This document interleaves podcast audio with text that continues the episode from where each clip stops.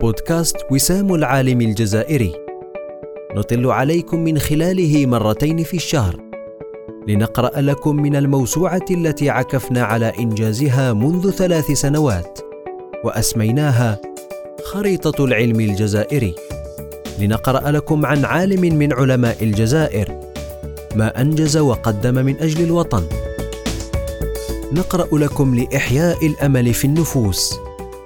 لنردد معكم نعم للجزائر علماؤها.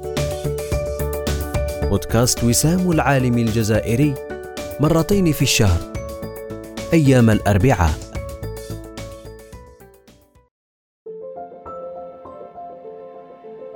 العدد التاسع حول المسيرة العلمية للباحثة. سهام عامر يحيى الذكاء الاصطناعي والسلوك البشري. ابتدأت مشوارها الدراسي في وطنها الأم الجزائر حيث حصلت على البكالوريا في تخصص الرياضيات ودخلت المعهد الوطني للإعلام الآلي إيني المدرسة العليا للإعلام الآلي حاليا ESE بتحفيز من أستاذها في الرياضيات في المرحلة الثانوية فقد اقترح على طلبته في أواخر الثمانينات دخول تخصص جديد يسمى الإعلام الآلي وهي التي كانت ترى في شخصها أستاذة رياضيات اقتفاء لأثر والدتها أستاذة اللغة الإنجليزية. تعترف الباحثة سهام أن النتائج التي توصلت إليها هي نتيجة المصابرة في التعليم والعلاقات في مسار التكوين وتشجيع أساتذتها والأهم والداها اللذان شجعاها لمواصلة التعلم. التوقف عن التعلم هو نهاية حياة الإنسان. كما تعترف الباحثة أيضا أن السياق الاجتماعي في الجزائر كان مشجعا أيضا فلم يكن يرى سلبية في تعلم البنت وفي الارتقاء في درجات العلم. دخلت التخصص وهي لا تملك جهاز كمبيوتر شخصي. وهذا يذكرنا بقصة البروفيسور لكحل الذي أبهر أساتذته في فرنسا. فقد كان يدرس في الجزائر تخصصه النظري دون محاكاة بالكمبيوتر وكان يصل إلى نتائج دقيقة. استمرت الباحثة سهام في المعهد لمدة خمس سنوات. وحصلت بعدها على شهادة مهندس دولة في الإعلام الآلي سنة 94 متحدية ظروفا عصيبة لم تمنعها من إكمال طريقها الذي اختطته أيام كانت الجزائر تعيش فوضوية الإرهاب وبربريته. استفادت الباحثة سهام بعد التخرج من منحة تقدمها وزارة التعليم العالي الجزائرية وحصلت على شهادة الماستر من جامعة باغي دوفين في فرنسا سنة 95 ثم الدكتوراه سنة 99 في علوم الكمبيوتر المتخصصة في مجال إدارة البيانات بالشراكة بين جامعة باغي أورساي والمعهد الوطني للبحوث في علوم الرقمنة وتقنياتها ENREA في موضوع إدارة البيانات الضخمة. مباشرة بعد حصولها على الدكتوراه توجهت إلى الولايات المتحدة وقضت فيها عشر سنوات واحتكت فيها بكبرى الشركات والتقت بأصحاب الاختصاص فابتدأت العمل سنة 99 باحثة في مختبرات AT&T المتخصصة في تكنولوجيا الاتصال ثم في مختبرات ياهو بداية من سنة 2006 استفادت من تجربة قصيرة في التكوين عندما كانت في قطر مديرة للأبحاث في معهد قطر لبحوث الحوسبة سنة 2010 حيث شاركت رفقة باحثين من جامعة MIT في تكوين الإعلاميين في قناة الجزيرة لاستعمال تكنولوجيات التحليل الحديثة.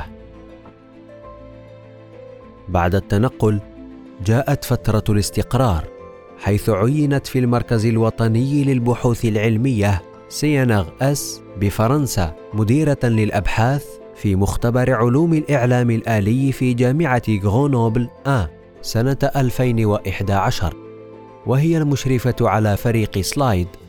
Scalable Information Discovery and Exploitation. في نفس المختبر الذي يجمع بين التنقيب عن البيانات وأبحاث المعلومات والحوسبة الاجتماعية.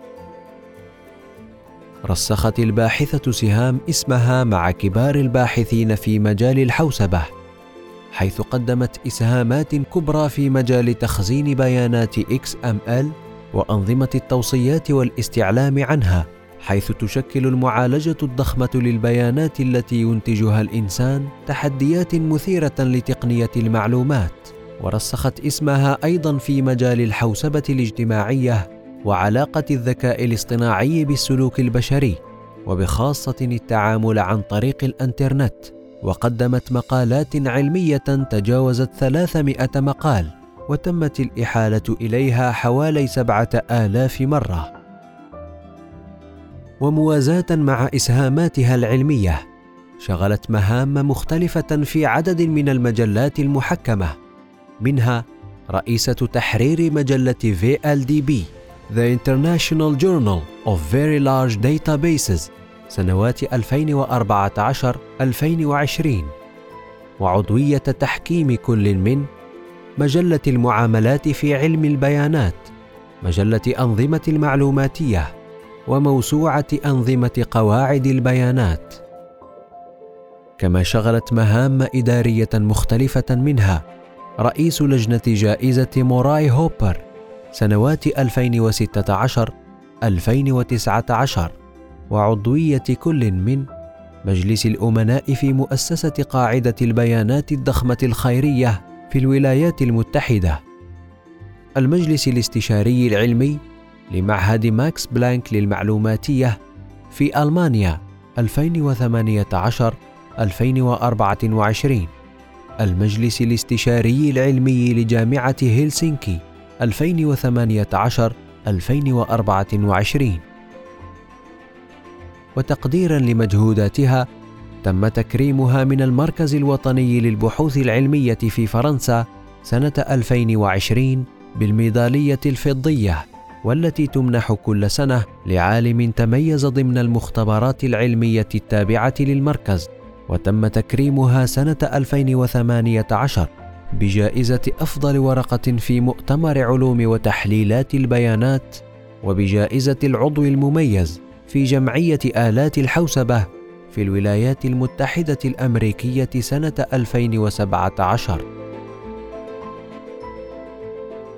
سبع سنوات في مختبرات اي تي ان تي وخمس سنوات في مختبرات ياهو ثم سنتين في معهد قطر لبحوث الحوسبة وعشر سنوات في المركز الوطني للبحوث العلمية.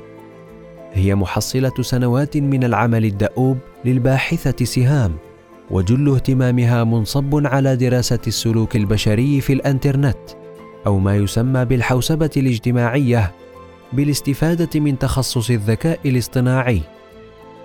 واستطاعت الباحثة تحقيق نتائج أفضل بجمعها بين تخصصات متعددة وهو المنحى الحالي في البحث العلمي العابر للتخصصات من أجل تقديم حلول تنفع البشرية في مسيرتها وهو السبق الذي حققته التخصصات التقنية فهي أكثر قدرة على استدعاء العقل الجمعي وعلى الاستفادة من التخصصات المتباينة. في انتظار أن نرى تخصصات العلوم الإنسانية الاجتماعية تنحو أكثر في هذا المنحى. موعدنا بكم يتجدد في عدد جديد من بودكاست وسام العالم الجزائري مع تحيات قسم إنتاج المعرفة بمؤسسة وسام العالم الجزائري. نعم للجزائر علماؤها.